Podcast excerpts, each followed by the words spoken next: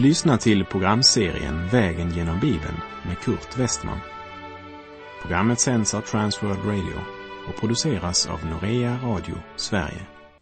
Vi befinner oss nu i Sakarja bok. Slå gärna upp din bibel och följ med. Vi har kommit till den tolfte versen i Sakarja kapitel 11. För sammanhangets skull repeterar vi också vers 10 och 11. Sakarja kapitel 11, verserna 10 till och med 12. Så tog jag min stav nåd och bröt sönder den för att upplösa det förbund jag hade slutit med alla folk. Så upplöstes det på den dagen och de olyckliga fåren som gav akt på mig förstod att detta var Herrens ord. Och jag sade till dem, om ni finner för gott, så ge mig min lön, men om inte, så låt det vara. Då vägde det upp min lön, trettio siklar silver. Av Judas damm skulle den utlovade frälsaren Messias komma. Men de religiösa ledarna och majoriteten av folket skulle förkasta honom. Bara en liten rest skulle ta emot honom i tro vid den tiden. Och på grund av att de förkastade honom skulle de än en gång spridas för alla vindar bland alla folk och nationer. Lägg märke till vad det står i vers 12. Då vägde det upp min lön, 30 siklar silver. Denna märkliga profetia har bokstavligen blivit uppfylld på ett anmärkningsvärt sätt. Hör vad Matteus skriver, Matteus 26, vers 14 och 15. Sedan gick en av de tolv, han som hette Judas Iskariot, till översteprästerna och sade, vad vill ni ge mig om jag utlämnar honom åt er? Då vägde det upp 30 silvermynt åt honom. Det är exakt det pris Sakarja förutsade. Och det är intressant att lägga märke till att översteprästerna inte var villiga att betala mer än det. Jag undrar om Judas hade svårigheter med att acceptera det priset. Han hade nog tänkt sig mer. I Matteus 27, vers 9 och 10 finner vi någonting mycket intressant. Då uppfylldes det som var sagt genom profeten Jeremia. Och jag tog de trettio silvermynten, det pris som Israels barn hade satt på honom som hade värderats. Och jag gav dem som betalning för krukmakaråkern så som Herren hade befallt mig. Jeremia har en hel del att säga om krukmakaråkern i sin profetia i Jeremia kapitel 18 och 19. Sakarja 11, vers 13. Och Herren sade till mig, kasta det åt krukmakaren, det härliga pris som det ansåg mig vara värd. Och jag tog de trettio silversiklarna och kastade dem i Herrens hus åt krukmakaren. Trettio silverpenningar. Det var översteprästernas värdering. Högre än så värderade de varken honom som blev såld eller honom som sålde. Stackars Judas, som trodde att han vann deras ära och gunst. Men när han sålde Jesus sålde han egentligen sig själv. Precis som varje människa gör när man vänder Jesus ryggen. Som det heter i sången. För klingande silver Judas sålde frälsaren och för klingande silver man gör det om igen. Priset var lågt, mycket lågt. Det var den summa till vilken en slav eller slavinna värderades. Andra Mosebok kapitel 21, innehåller lagar om slavar och lagar om personskador och om ersättning. Och där kan vi läsa följande i Andra Mosebok 21, vers 32. Men om oxen stångar en slav eller slavinna skall ägaren betala 30 siklar silver till den stångades herre och oxen skall stenas. Och det var det pris överste prästerna satte på Jesus. Och som jag sa, de värderade inte den som sålde högre heller. Världen värderar inte sina egna så högt när det kommer till stycket. Om Judas sinne blivit så förmörkat av penningbegär att han inte ansåg Jesus vara mer värd än en slav som dödats, så borde han ha insett att priset var ett hån mot honom själv. Översteprästerna gjorde en snabb bedömning av denne man vars irrande blick lyste av girighet. Trettio silversiklar, det är nog för en sån stackare som Judas. Bara se på honom. Han godtar säkert vad som helst. Låt oss bjuda priset för en slav. Och de bedömde saken rätt. Judas, syndens slav, värderade varken sig själv eller Jesus högre. Och därmed var handeln avgjord. Vad gjorde då Judas med de 30 silvermynten han fick? Och jag tog de 30 silversiklarna och kastade dem i Herrens hus åt krukmakaren. Jag citerar Matteus 27, verserna 3 till och med 7. Men då Judas som hade förrått Jesus såg att Jesus var dömd ångrade han sig och lämnade tillbaka de trettio silvermynten till översteprästerna och de äldste och sade Jag har syndat och förrått oskyldigt blod. Det svarade Vad rör det oss? Det är din sak. Då kastade han silvermynten i templet och gav sig av. Sedan gick han och hängde sig. Översteprästerna tog mynten och sade det är inte tillåtet att lägga dem i offerkistan eftersom det är blodspengar. Och det beslöt att för dessa pengar köpa krukmakaråken till begravningsplats för främlingar. Det som skedde här var alltså ingen tillfällighet, utan en högst anmärkningsvärd uppfyllelse av en av Bibelns märkligaste profetior. Vad var krukmakaråken? Krukmakaråken var ett jordområde som tillhörde krukmakaren. Här hämtade han sin lera och när han ibland inte lyckades med sitt arbete därför att leran inte var av god nog kvalitet kastades det kasserade materialet ut på krukmakaråkern det var avskrädesplatsen för lera som inte dög till något. I Jeremia profetia kallade Herren sig för krukmakaren.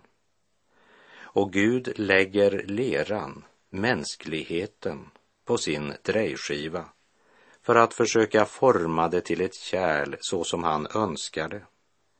Men leran måste låta sig formas av mästarhanden. Om kärlet skulle misslyckas börjar han om igen och gör ett annat kärl så som han ville ha det. Men den lera som aldrig vill låta sig formas av krukmakaren kastar han ut på krukmakaråkern. Han kan inte använda det. Det är ganska intressant att lägga märke till att när Judas lämnade tillbaka de 30 silvermynten till översteprästerna så var de så noga med Mose lag att de sa det är inte tillåtet att lägga dem i offerkistan eftersom det är blodspengar, som det står i Matteus 27.6.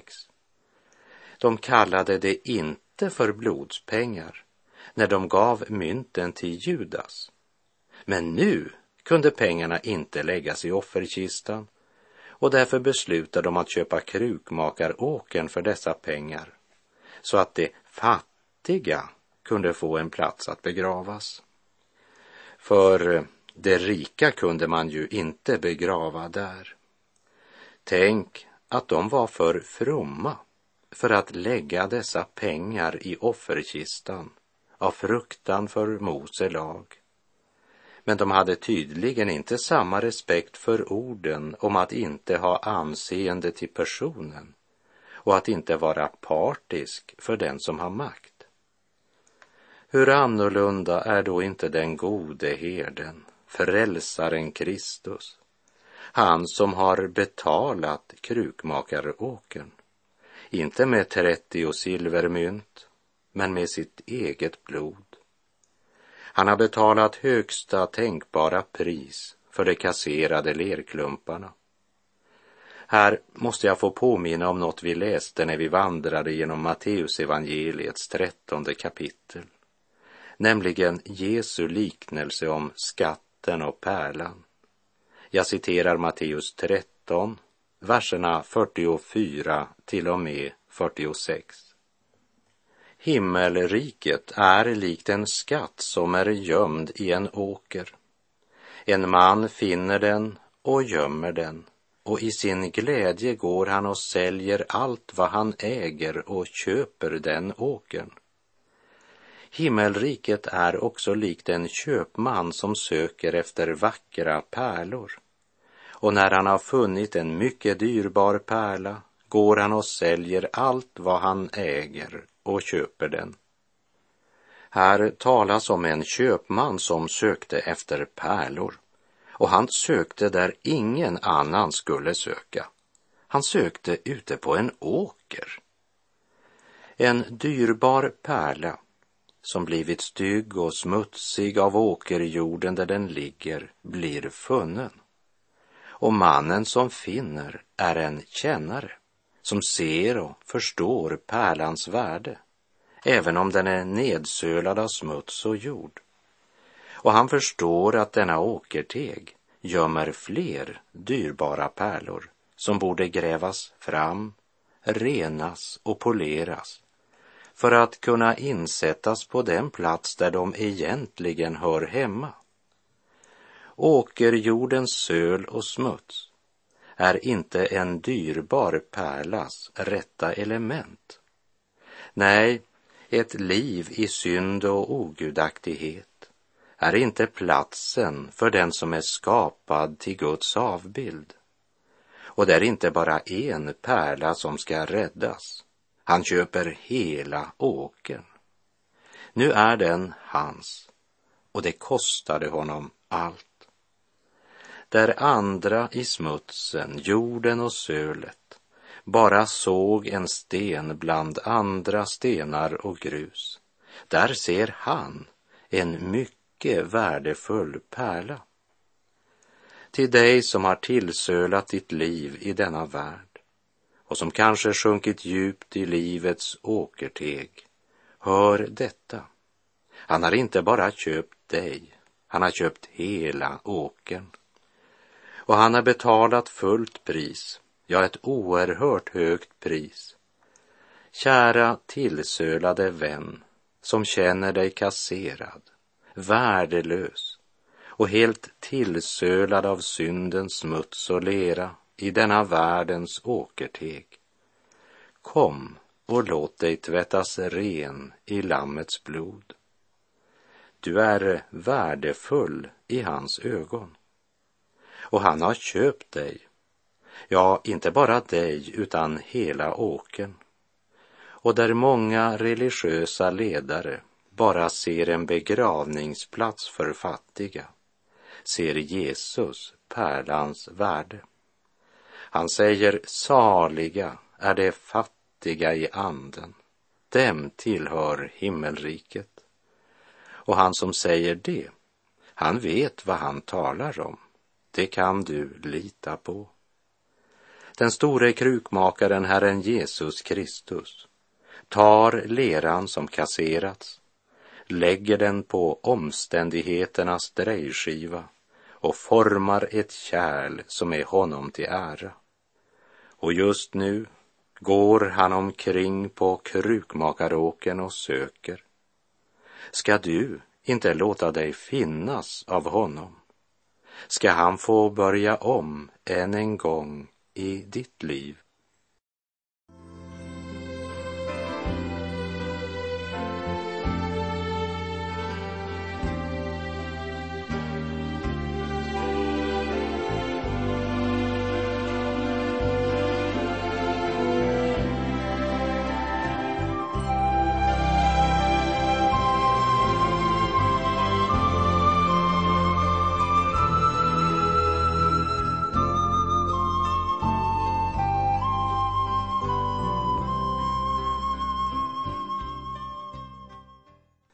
Sakarja 11, vers 14. Därefter bröt jag sönder min andra stav, endräkt, för att upplösa broderskapet mellan Juda och Israel. Eftersom de religiösa ledarna och folket hade förkastat herden, det vill säga, de var inte längre mottagliga för Herrens nåd och hjälp. Därför tvingas Herren bryta sönder också den andra staven, staven som heter endräkt. Herdelösa får skingras. När Gud inte får vara Gud för sitt folk så upplöses också broderskapet mellan Juda och Israel. Och detta är hans bud, att vi ska tro på hans son Jesu Kristi namn och älska varandra så som han har befallt oss, skriver Johannes i sitt första brev kapitel 3, vers 23. När folket istället för att ta emot nådens och endräktens stav förkastar dem, tvingas Gud för sin rättfärdighets skull att bryta dessa stavar. Den första staven talar om förbundet som gällde alla folk den andra staven talar speciellt om Juda och Israel. Det är som om Herren genom Sakarja säger, när ni sålde mig, överlämnade mig åt hedningarna för att bli korsfäst, då bröt ni mitt förbund. Romaren Titus ska snart komma hit och ni kommer att skingras över hela världen. Men varken judarnas eller hedningarnas historia slutar där. Sakarja ser ännu längre fram i tiden till den oförståndige herden, laglöshetens människa, fördärvets son som öppet ska träda fram och som Paulus talar om i Andra Thessalonikerbrevets andra kapitel motståndaren som förhäver sig över allt det som kallas Gud eller heligt, så att han sätter sig i Guds tempel och säger sig vara Gud, som det står i Andra Thessalonikerbrevet 2, 4. I Sakarja kallas han den oförståndige herden. Sakarja 11, vers 15 och 16 och Herren sade också till mig, skaffa dig redskap som en oförnuftig herde. Ty se, jag ska låta en herde uppstå i landet, en som inte sköter om det får som håller på att gå under, inte uppsöker det förlorade, inte helar det sårade.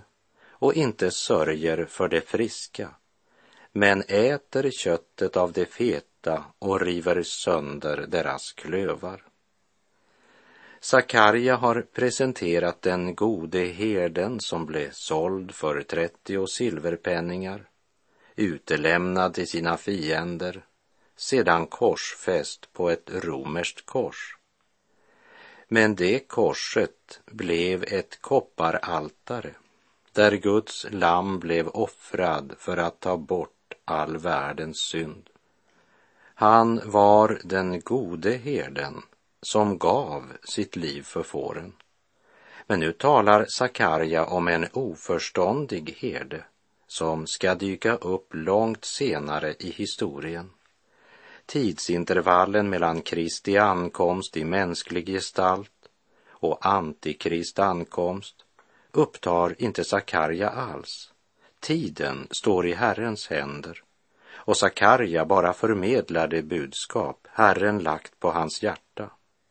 Och här går mina tankar till Jesu ord i Johannes 5.43. Jag har kommit i min faders namn och ni tar inte emot mig.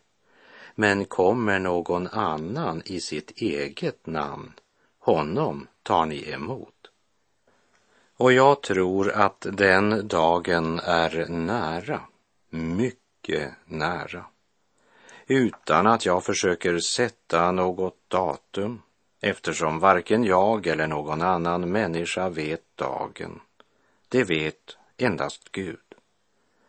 Men att vägen ligger öppen för honom är ganska uppenbart eftersom man idag tycks vara redo att acceptera alla former för ledarskap, bara de kan påstå sig komma med något nytt. Vi läser Sakarja 11, vers 17. Ve över den ovärdige herden som överger sin jord. Må ett svärd träffa hans arm och hans högra öga. Må hans arm helt förtvina och hans högra öga helt förmörkas. Denne ovärdige herde eller falska herde är vargen klädd i fårakläder. Han leder fåren till undergång, men de flesta kommer villigt att följa honom. En framgångsrik, duktig politiker som lovar folket allt det de hungrar efter. I sitt brev till de troende i Thessalonike skrev Paulus Kommer ni inte ihåg att jag sade er detta när jag ännu var hos er? Ni vet vad det är som håller honom tillbaka så att han kan träda fram först när hans tid kommer. Redan är ju laglöshetens hemlighet verksam. Han som nu håller tillbaka måste endast först röjas ur vägen. Sedan ska den laglöse öppet träda fram. Men honom kommer Herren Jesus att döda med sin muns anda och förgöra när han visar sig vid sin ankomst. Den laglöses ankomst är ett verk av Satan och sker med stor kraft med lögnens alla tecken och under och med all slags orättfärdighet som bedrar dem som går förlorade eftersom de inte tog emot sanningen och älskade den så att de kunde bli frälsta. Därför sänder Gud en kraftig villfarelse över dem så att de tror lögnen och blir dömda. Alla dessa som inte har trott på sanningen utan njutit av orättfärdigheten. Ve över den ovärdige herden som överger sin jord, ropar Herren genom profeten Sakarja. Men lägg noga märke till vad andra Thessalonikerbrevets andra kapitel säger om hur Antikrist krossas av Kristus när han kommer åter i ära i makt och härlighet för att upprätta sitt rike. Andra Thessalonikerbrevet 2.8. Sedan ska den laglöse öppet träda fram, men honom kommer Herren Jesus att döda med sin muns anda och förgöra när han visar sig vid sin ankomst. Det blir ingen stor strid den gången. Jesus kommer bara att andas på honom. Och så är Antikrist makt och välde krossat. Därför göd också Jesu marsorder till sina lärjungar så här. Jag har fått all makt i himlen och på jorden. Gå därför ut och gör alla folk till lärjungar. Döp dem i Faderns och Sonens och den helige Andes namn och lär dem att hålla allt vad jag har befallt er. Och se, jag är med er alla dagar intill tidens slut. Nattens skuggor sakta vika, morgonstjärnan ljuvligt ler. Snart den sälla dagen randas, vilken sol går aldrig ner. Herren kommer, Herren kommer, endast skall all jordens strid. Bruden siras, bröllop firas, uti evig fröjd och frid. Dyre Jesus, håll mig redo till ditt möte varje stund.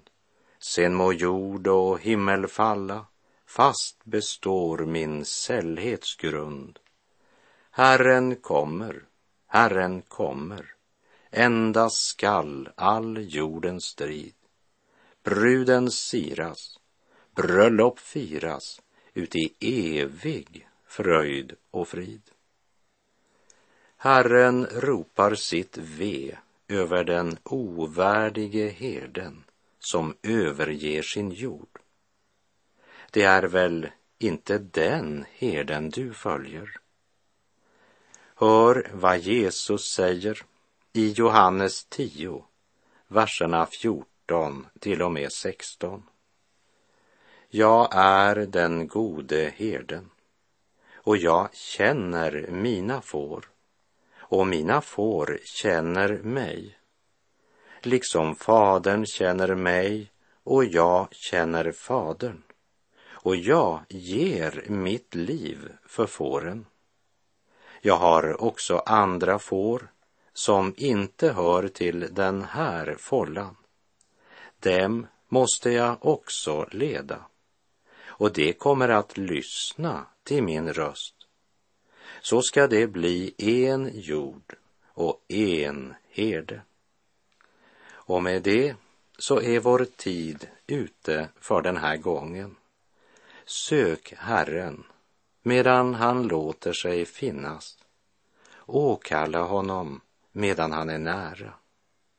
Och de olyckliga fåren som gav akt på Herren förstod att detta var Herrens ord. Herren vare med dig.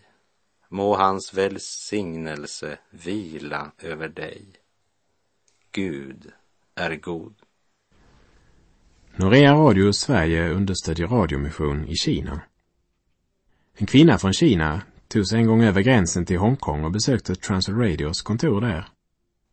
Vi är några troende som möts i Kina men vi vet inte hur vi ska få undervisning. Kan ni hjälpa oss? bad hon. En av ledarna där accepterade inbjudan och träffade henne en tid senare nära gränsen. Han gav henne en kortvågsradio och uppmuntrade henne att lyssna på Transworld Radios program. Efter att ha tagit emot gåvan och tackat för rådet lämnade hon mötesplatsen. Två år senare kom kvinnan tillbaka. Denna gång uttryckte hon stor glädje.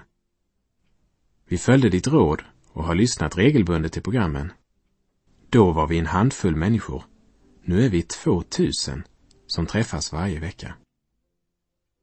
Denna erfarenhet la grunden för arbetet med att etablera radiokyrkor i Kina.